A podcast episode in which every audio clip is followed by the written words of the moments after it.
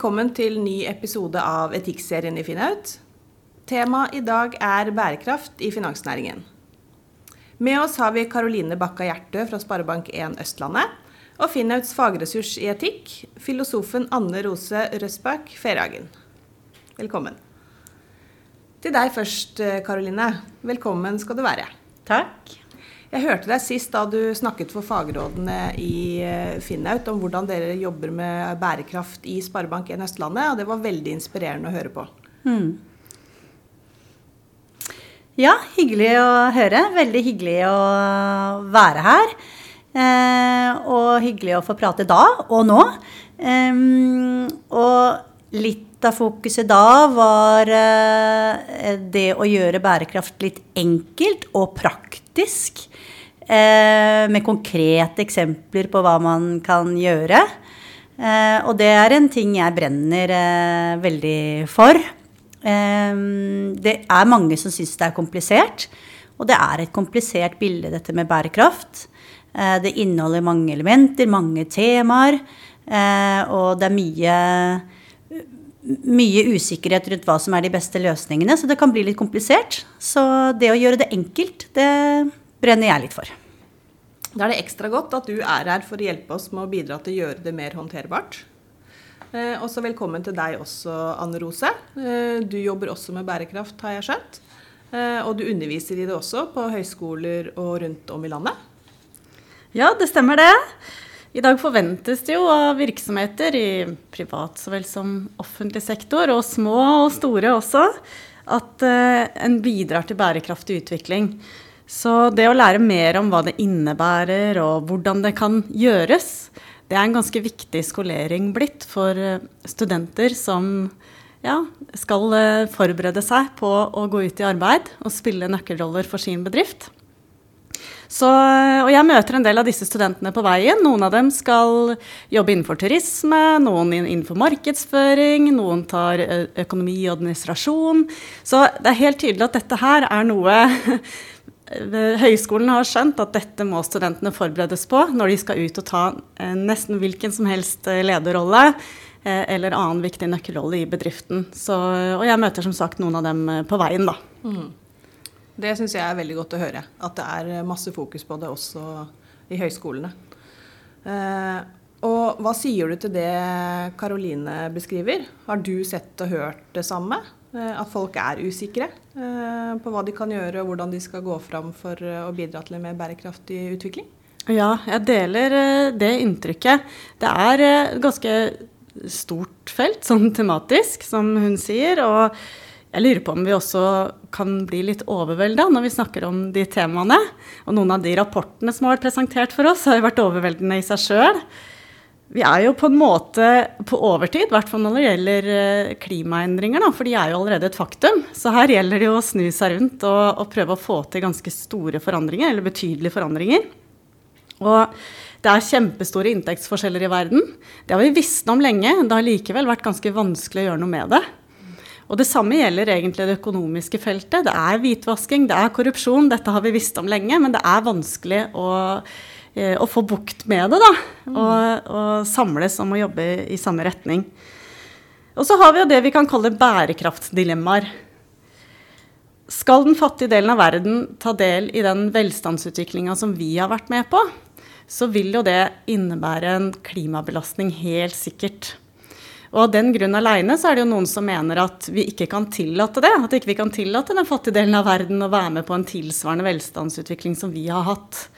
Al Gore, f.eks., som fikk Nobels fredspris i 2007 sammen med FNs klimapanel, har vært en av dem som har eh, snakka for det, da, at vi, vi, kan ikke tillate oss det. Eh, og bare gjenta det vi har gjort for flere mennesker.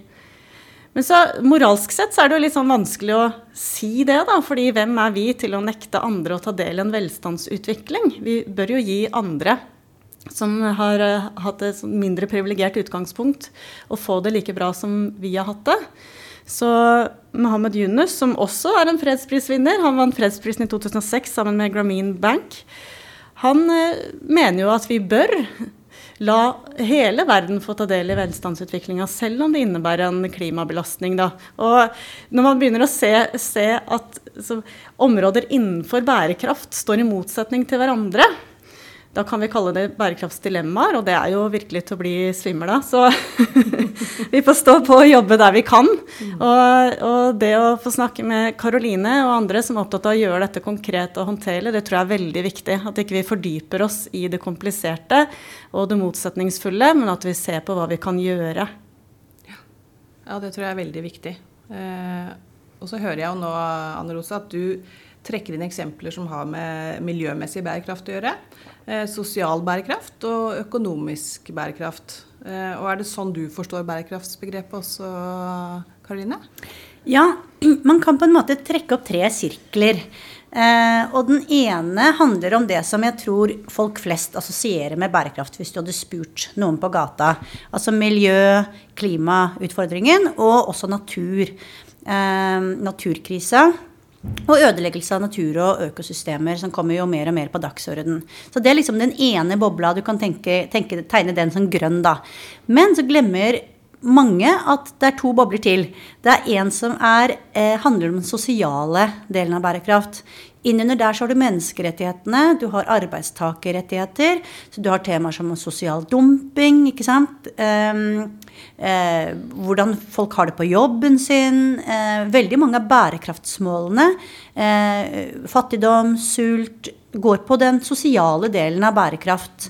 Men det er også kanskje litt fordi at vi har det så godt her i Norge, at den kommer litt i bakgrunnen? Ja, det, det har du helt rett i. Og, og, og, på en måte kanskje med god grunn. Bærekraftsmålene er jo en global agenda som vi skal nå i 2030. Og Norge gjør det jo veldig bra, det er 17 mål, gjør det jo veldig bra relativt sett til resten av verden på de sosiale. Så vi har en utfordring når det gjelder klima. Vi har veldig høye klimagassutslipp per innbygger. Og det som er bærekraftsmål 13, og nummer 12 som handler om ansvarlig forbruk og produksjon. Eh, så det er liksom den, den, røde, den sosiale, det er liksom boble nummer to. Og så har du en boble nummer tre. Og, og, den handler om det økonomiske, som man også trekker opp med eh, bidra til mindre økonomisk kriminalitet, korrupsjon, hvitvask, ikke sant? som er viktige tema for oss i bank, f.eks. Eh, og, og på engelsk så bruker man begrepet, eller ofte i finans, ESG, og da blir den siste på en måte governance, altså hvordan er, hvordan er ting styrt, da? Hvordan styrer du en bedrift? Skatteunndragelser, sånne type ting. Mm. Og så er jo Og så er jeg litt sånn opptatt av at bærekraft Det kan gå litt inflasjon i det begrepet. Og da må man liksom huske å erkjenne at bærekraft er jo et ord som er lov å bruke i andre sammenhenger enn bærekraftig utvikling. Altså det er lov å si at noe skal være bærekraftig, evnen til å holde seg selv oppe, i andre sammenhenger. Og det er et veldig populært ord å bruke. Men sånn som vi snakker om det i dag, så handler det om bærekraftig utvikling. Og det ble definert Eh, har blitt definert av mange, men bl.a. av Brundtland-kommisjonen for over 30 år siden. Og Da fikk de et oppdrag nettopp av verdenssamfunnet. Kan dere definere hva vi mener med bærekraftig utvikling? Og den definisjonen som de kom fram til, det står seg fint i dag. Og den handler om at vi som lever i dag, skal bruke ressursene på en måte som gjør at vi ikke ødelegger for fremtidige generasjoners muligheter til å bruke ressurser på samme måte, eller ha det samme livet som vi har i dag. Så det syns jeg er en fin måte å tenke det på. Hvis man skal tenke er en aktivitet bærekraftig, så er det en veldig sånn enkel eh, huskeregel. Ja, ja, men hvis vi holder på sånn i all fremtid, hvis vi driver med utstrakt bruk av barnearbeid i generasjon etter generasjon, er det bra da for fremtidige generasjoner? Eh, nei, da er det jo ingen som kan, som kan ta ved styre og ledelse i det landet, fordi barn ikke går på skole, de driver, jobber isteden. Ikke mm. sant? Det er ikke bærekraftig. Nei. Og så innenfor klima og miljø er det selvfølgelig lettere å tenke hva som ikke er bærekraftig i forhold til ressurser, for da blir det jo mye snakk om ressurser. Mm. Jeg syns det var en veldig fin måte å forklare det på. Eh, og også det at det kan være en huskeregel. Er dette Står det seg for fremtiden, på en måte? Kan, kan vi ha det sånn, eller vi det, må vi gjøre det på en annen måte? Mm. Så det syns jeg var, var, veldig fin. Fin huskeregel. Eh, ja, fordi at hvordan skal vi klare faktisk å, å, etterlate verden sånn at kommende generasjoner skal få de samme muligheter som oss? Mm. Eh, og da må vi rett og slett tenke oss om med det vi gjør. Eh, og du har jobbet mye med dette, Karoline. Eh, og du har til og med laget en veileder eh, til bedrifter som ønsker å komme i gang. Mm. Kan du fortelle litt om det? Ja, og det lagde jeg fordi det finnes jo veldig mange veiledere der ute. Men mange er litt for kompliserte, spesielt for små og mellomstore bedrifter. Så dette er på en måte, hvis du tenker deg bærekraftsarbeid som et hus, så er dette trappen inn i huset. Hvor begynner du aller første dag når du setter deg ned? Og det pga. min erfaring med våre kunder og tidligere jobber jeg har hatt, hvor de kommer ofte og presenterer ett bærekrafts, en, en bærekraftsutfordring og sier vi må jobbe med det. Men så har de ikke noen analyse på hvorfor skal dere jobbe med det temaet. Um, og nettopp fordi bærekraft er så, er så innmari stort, det er så innmari mange temaer, så er du nødt til å gjøre en analyse av hva, hva er det du som bedrift har stor positiv og negativ påvirkning på. Mm. Så den bedriften, nei, den veilederen har fire enkle trinn. Og trinn én handler om tegn opp hva du faktisk driver med og hva du driver med på, på hovedkontoret ditt eller uh, i butikken din, eller hva, men også leverandørkjeden din uh, og lokalsamfunnet rundt. Prøv å tegne, uh, tegne, opp virksomheten din.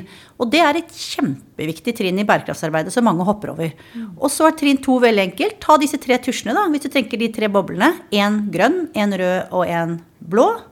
Og så ringer du rundt. Hvor tror du at du som bedrift har positiv og negativ påvirkning? Og i det leddet der så er det mange som sier ja, men dette vil jeg bare mate inn i et eller annet verktøy, og så få svarene ut. Eh, og det fins sånne typer verktøy, men min erfaring er at den, bedrift, den, kunnskapen sitter ofte bedriften på selv. Fordi de vet råvarer, hvilke råvarer de bruker. De vet egentlig når du snakker med dem hvilke utfordringer det er knytta til de råvarene. De vet at det er knytta eh, utfordringer kanskje til til eh, dårlige arbeidsforhold i leverandørkjeden, eh, til de produktene de selger. Eh, de vet om utfordringer i Norge med sosial dumping, hvis det er en utfordring i deres bransje. De kjenner til masse av dette her. De har snakka om det internt med, med, med bransje, i bransjemøter med konkurrenter, med leverandører og kunder. Dette kan bedriften veldig mye av selv. Mm. Og så gå trinn tre på da å sortere, og det er litt sånn metodisk måte, for da har du en bruttoliste som kan være ganske lang. Eh, og noen av de jeg veileder, den, de, er, de, er, så flinke at den bruttolista er jo kjempelang, med positive og negative påvirkninger. Mye lenger enn jeg forestiller meg. Så de, er, de kan jo masse, så, det, så, de må prioritere, da.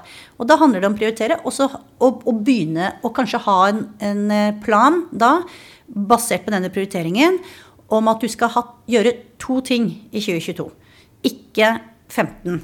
Mm. Ikke ordne alt eh, og gjøre bedriften bærekraftig i 2022, men begynne. Det viktigste er å komme i gang. Mm. Når, du, når, du, har identifisert liksom, ok, her, dette, disse tre temaene burde vi begynne å jobbe med. Da begynner det selvfølgelig å bli komplisert, men da kan du komme, når du har kommet dit og funnet ut at ja, det er dette vi må jobbe med, da kan du begynne å søke kunnskap. Da er det kjempeviktig med samarbeid kjempeviktig med dette som et interessentdialog. Snakke med folk som kan det temaet.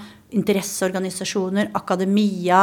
Eh, eh, det fins eh, bransjeorganisasjoner, det er masse internasjonalt samarbeid, det fins forskning. ikke sant?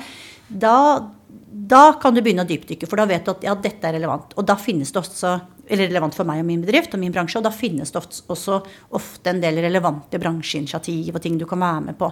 For mange av disse utfordringene er vanskelig å løse for én bedrift aleine. Mm. Men det foregår veldig mye bra arbeid som du kan koble deg på.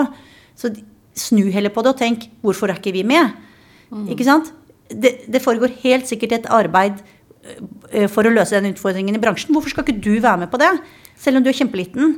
Og, kanskje bare på en bitte liten del av det. Men, men, men, hvorfor skal ikke du være med på det laget som gjør noe? Eh, du kommer ikke til å klare å løse redde verden alene, men du må jo bidra. Mm. Så, så, det er de tre første. Og så gå steg fire bare på fortell om det du gjør. Vær åpen, transparent. Fortell om utfordringer. Mm. Ja, og etter hva jeg kan se, så begynner jo bedrifter og folk å bli så fortrolig med bærekraftsfeltet at uh, en kan jo se for seg at etter hvert blir en integrert del av en vurdering hvor en viktig beslutning skal tas. Uansett om en står overfor et dilemma eller et veivalg eller hva det måtte være. At det blir liksom en, en, sånn prøvestein, akkurat som spørsmål om hvorvidt det er lønnsomt, om hvordan det vil påvirke omdømmet vårt. Så vil en innom den vurderinga, men er det i tråd med bærekraftig utvikling, og er det i tråd med det vi har lovt at vi skal jobbe med?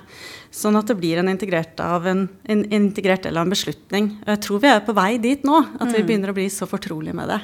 Ja. Uh, og det tror jeg er en bra ting, så ikke dette her er et sånt tema eller en sfære som ligger litt på siden av andre hensyn, mm. som kan oppleves nesten mer akutte, da, ikke sant. Og vi må jo tenke litt, sånn, tenke litt store tanker og litt lange perspektiver når vi jobber med bærekraft. Så, men jeg tror jeg vi er på god vei. Mm.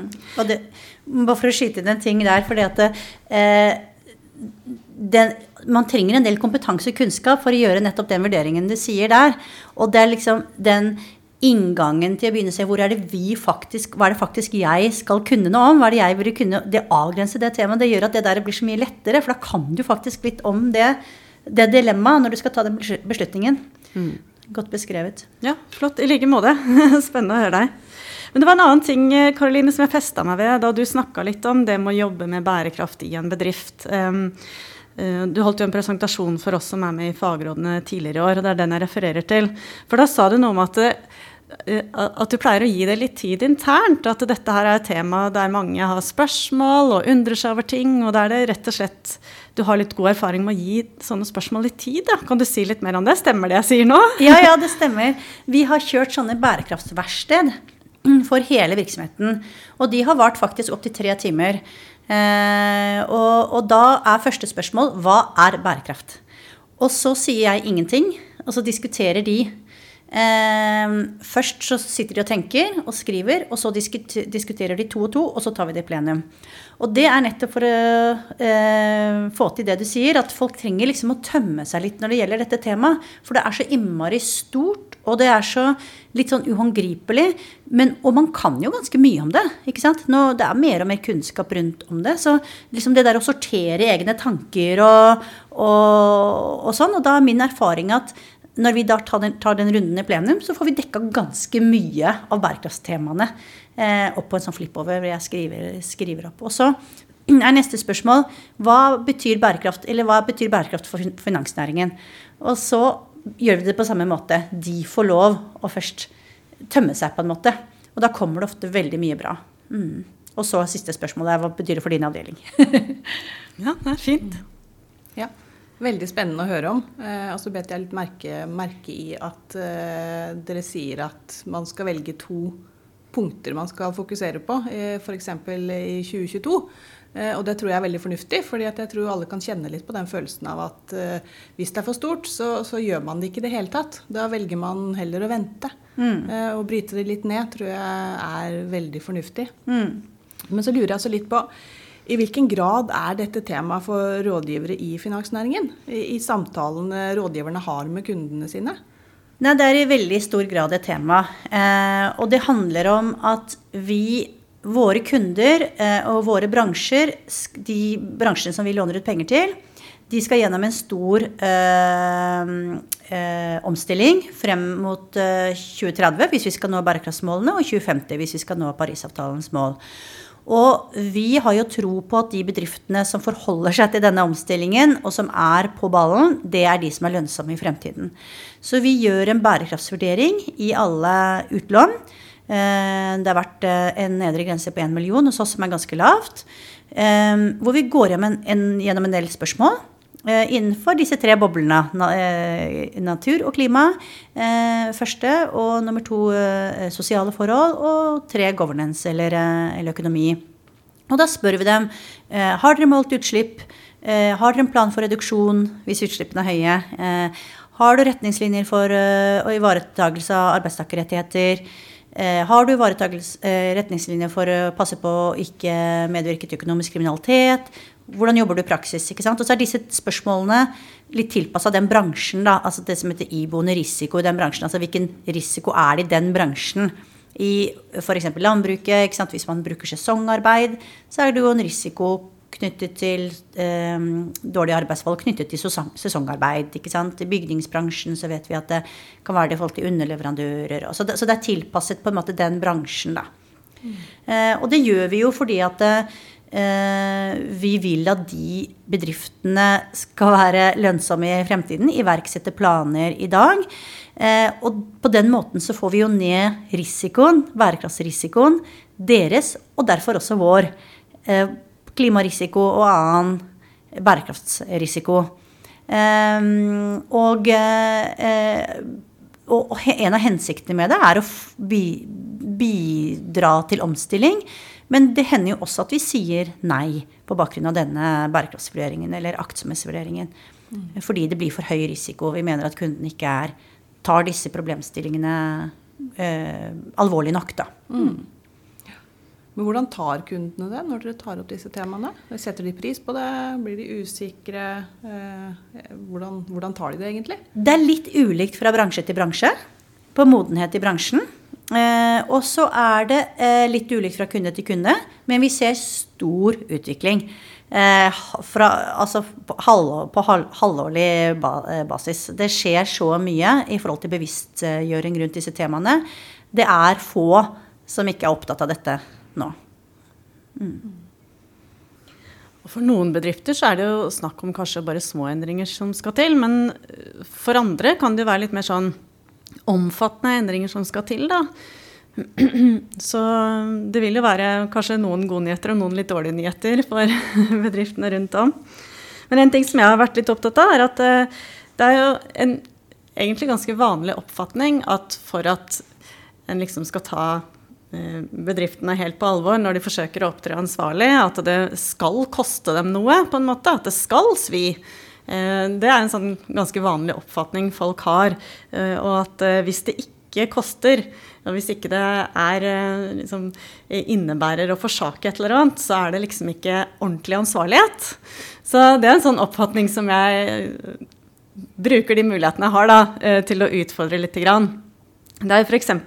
to som har skrevet en artikkel, Michael Porter, som er akademiker, og Mark Kramer, som jobber i næringslivet som har uh, skrevet en artikkel sammen da, om at uh, kanskje noe av det beste en bedrift kan gjøre, er å se etter muligheter til å tjene penger på å løse reelle problemer. Sånn at uh, en fjerner seg litt bort fra som er bare et mål om å drive lønnsomt, men at en forsøker å løse reelle problemer og dekke reelle behov da, gjennom sin kjernevirksomhet. Og det, det, er klart at det kan jo innebære en liten eller stor omstilling for en bedrift. Men hvis en klarer det, så vil en jo eh, vil en jo liksom kunne bruke noe av det beste næringslivet kan gi oss. Da, for de vet jo hvordan man skal skape vekst, og hvordan man skal få verdier til å til å bli større. Og hvis en kan ta vare på den driven som fins i næringslivet til å løse de store problemene, som jo selvfølgelig er veldig ressurskrevende å løse, så kan jo det i hvert fall være en del av, eh, av svaret på noen av de store utfordringene vi har i dag. Eh, jeg syns dette er en veldig besnærende tanke. Og kanskje vil en sånn tilnærming måtte um, vare over tid også. fordi det er jo viktig for enhver bedrift at de, de klarer seg. De må, de, må, jo være lønnsomme for å kunne fortsette å holde liv i en sånn satsing. Og den løsninga de foreslår, den klinger jo også veldig godt med FNs arbeidsplan for bærekraftig utvikling. Jeg tenker spesifikt på bærekraftsmål nummer 17, som dreier seg om at vi må nok samarbeide for å nå disse målene. Og her tror jeg næringslivet har noe å bidra med, som, eh, som Kramer og Porter viser veldig tydelig. Og jeg tror slett ikke at det er sånn at det skal koste for å kunne telle. Der, der, tror jeg de tar feil, de som sier det da. Mm. Veldig godt poeng. Og det er litt tilbake til det vi snakka om tidligere, at noen at noen vil liksom komplisere alt. Ikke sant? så ja, da må det koste, og liksom, så blir vi liksom hengende igjen i en debatt som kanskje ikke er så veldig interessant. Istedenfor å se på vi, vi, skal løse en del problemer, og det er det vi må ha fokus på. Om det koster bedriften mye eller lite, det er ikke så relevant. Det kommer, vil komme veldig an på hva bedriften drev med i utgangspunktet, hvor store de er, og mange andre faktorer. Mm. Mm. Det er et godt poeng. Og så blir det kanskje et litt annet fokus også. At man kan se på det som en mulighet istedenfor et problem. At da du, får du et litt sånn annet mindset. Uh, ja, så jeg tror det er fornuftig å tenke sånn. Uh, og så hvis vi går litt videre, og så ser vi på møtet mellom rådgiver og kunder unnskyld, i privatmarkedet. Uh, på hvilken måte er bærekraft en relevant del av samtalen der? Det blir også mer og mer relevant på privatmarkedssiden. Um, spesielt knyttet kanskje til boliger. Uh, og de økte strømprisene er jo da et konkret eksempel på det. Vi jobber Vi har et uh, grønt boliglån, eller flere grønne produkter på, på privatmarkedssiden, som hjelper kunden med å gjøre gode energieffektive løsninger i huset sitt.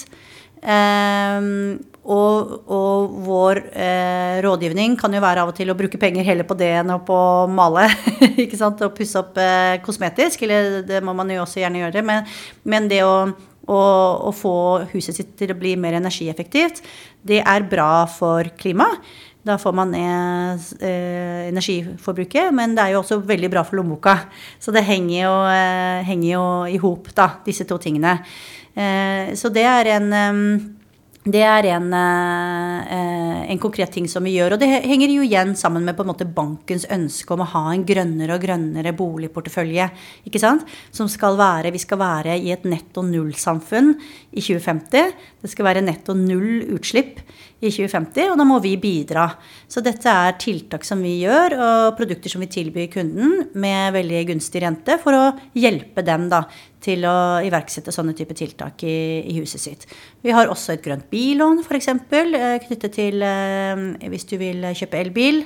Um, så vi gjør ulike sånne typer. Vi har uh, mitt klimaspor som knytter bruk Eh, eh, de, altså forbruket ditt av eh, varer og tjenester, altså hva du bruker penger på, knytter det til estimert CO2-avtrykk, altså utslipp. Og det er spennende, for det skaper veldig mange gode diskusjoner rundt lunsjbordet på jobben og familien hjemme hos oss i hvert fall. Knyttet til hva er det faktisk forbruket vårt bidrar med av CO2-utslipp. Um, og en fin um, Så bruker vi det igjen til, til en uh, samtale med kunden. Det er mer på aggregert nivå da, gjennom webinarer, kundekvelder, brev, uh, sosiale medier og sånn, hvor vi, hvor vi uh, debatterer og diskuterer dette rundt ansvarlig forbruk og hvordan vi alle kan bidra til, til å leve mer bærekraftig. Da. Mm. Dette er jo veldig fine eksempler da, på hvordan en rådgiver kan bidra til å gi kunden et bedre beslutningsgrunnlag før en beslutning skal tas. Det er jo på en måte kjernen av det store kompetanseløftet som vi har sett i norsk finansnæring i nyere tid. Eh, at rådgiveren sitter på en spesialistkunnskap som skal komme kunden til gode. Og det gjelder ikke lenger bare hvilken forsikringsløsning eller bare hvilket eh, lån eller hvilken plasseringsløsning en skal gå for. Det gjelder jo også hvordan kunden kan eh, ta valg som i større eller mindre grad bidrar til en bærekraftig utvikling. Da. Og de som autoriseres nå, de skal jo måte, øve seg på at det de, er også en del av rollen deres å, eh, å, hjelpe kunden til å ta informerte valg om hvordan de kan bidra til en bærekraftig utvikling. Så det er veldig spennende å høre sånne eksempler. Dette handler jo ikke om å påvirke eller overtale, men om å styrke beslutningsgrunnlaget til kunden. Mm. Og der kommer det jo mye fra EU, som har jo en grønn vekstplan. Eh, hvor du bl.a. som rådgiver er pålagt å, å kartlegge også bærekraftspreferansene til kunden, eh, kunden i forbindelse med fondsrådgivning. Eh, plassering av penger, private penger i fond. Så vi har en sånn ESG-merking av fond, hvor vi spør fondsforvalteren hos oss massevis av spørsmål, bærekraftspørsmål og, og, gir den informasjonen videre til kunden, så de kan ta nettopp, som de sier, informerte valg. da. Um, og, og, videre så kommer det jo en eh, Eller har kommet da, en klassifiseringsordning i forhold til hva hvor bærekraftig er en aktivitet som vi låner ut penger til, men også fond. ikke sant? Um, klassifiseres i ulike sånn, klasser i forhold til hvor bærekraftige de er. og sånn, Alt for å hjelpe kunden til å kunne ta mer bærekraftige valg. Mm. Ikke sant? Mm. Vi har vært innom eh, mange interessante temaer, men nå runder vi snart av. Så lurer jeg på, er det noe annet dere vil legge til? Jeg tenker at det vi har vært innom flere ganger, det med å gjøre det litt enkelt, og det med å starte et sted. Bare begynne, både om det er privat, på privaten eller i bedriften din, der hvor du jobber, eller om du er eh, bærekraftsansvarlig et eller annet sted. Eh, begynn i dag. Vi har nok kunnskap allerede. Vi trenger ikke å sitte og vente og gjøre dette temaet mer komplisert enn det er. Vi trenger, som Anne Rose sa i begynnelsen, vi har dårlig tid. Vi trenger å komme i gang i går. Så det er bare å begynne. Ja, vi har vel egentlig et ganske godt uh, grunnlag også. og uh, Innenfor etikken så vil vi jo si at det å la være å gjøre noe er jo også et valg en må holdes ansvarlig for, så, og som en kan bebreides for, ikke sant? hvis det ikke er det uh, riktige valget. Og jeg lurer også litt på om kanskje ikke vi skal være så urolige for å gjøre feil. Fordi eh, ja, jeg kan jo forstå at folk kan bli usikre, men eh, om en er først til et ulykkessted f.eks., og noen trenger hjerte-lungeredning, da har jeg lært at en skal ikke være så redd for å, om eh, pasienten brekker et ribbein underveis. Da er det mye viktigere å komme i gang med hjerte-lungeredning, ikke sant? Så Eh, det har en viss overføringsverdi her, tenker jeg. At selv om vi ikke har et komplett bilde, så har vi kanskje et godt nok bilde til at vi har eh, ja, et godt utgangspunkt for å gjøre godt nok informerte valg om, eh, om veien videre. Og også innenfor konsekvensetikken så ville vi fått støtte for det. Hvis valget står mellom to handlemåter, så er det ikke sånn at vi krever at det ene av de handlemåtene er perfekt for at det skal kunne sies å være riktig. Det holder at det er det beste av de alternativene vi har. Mm. Eh, og, og, da har en altså en god grunn til å gå for nettopp det.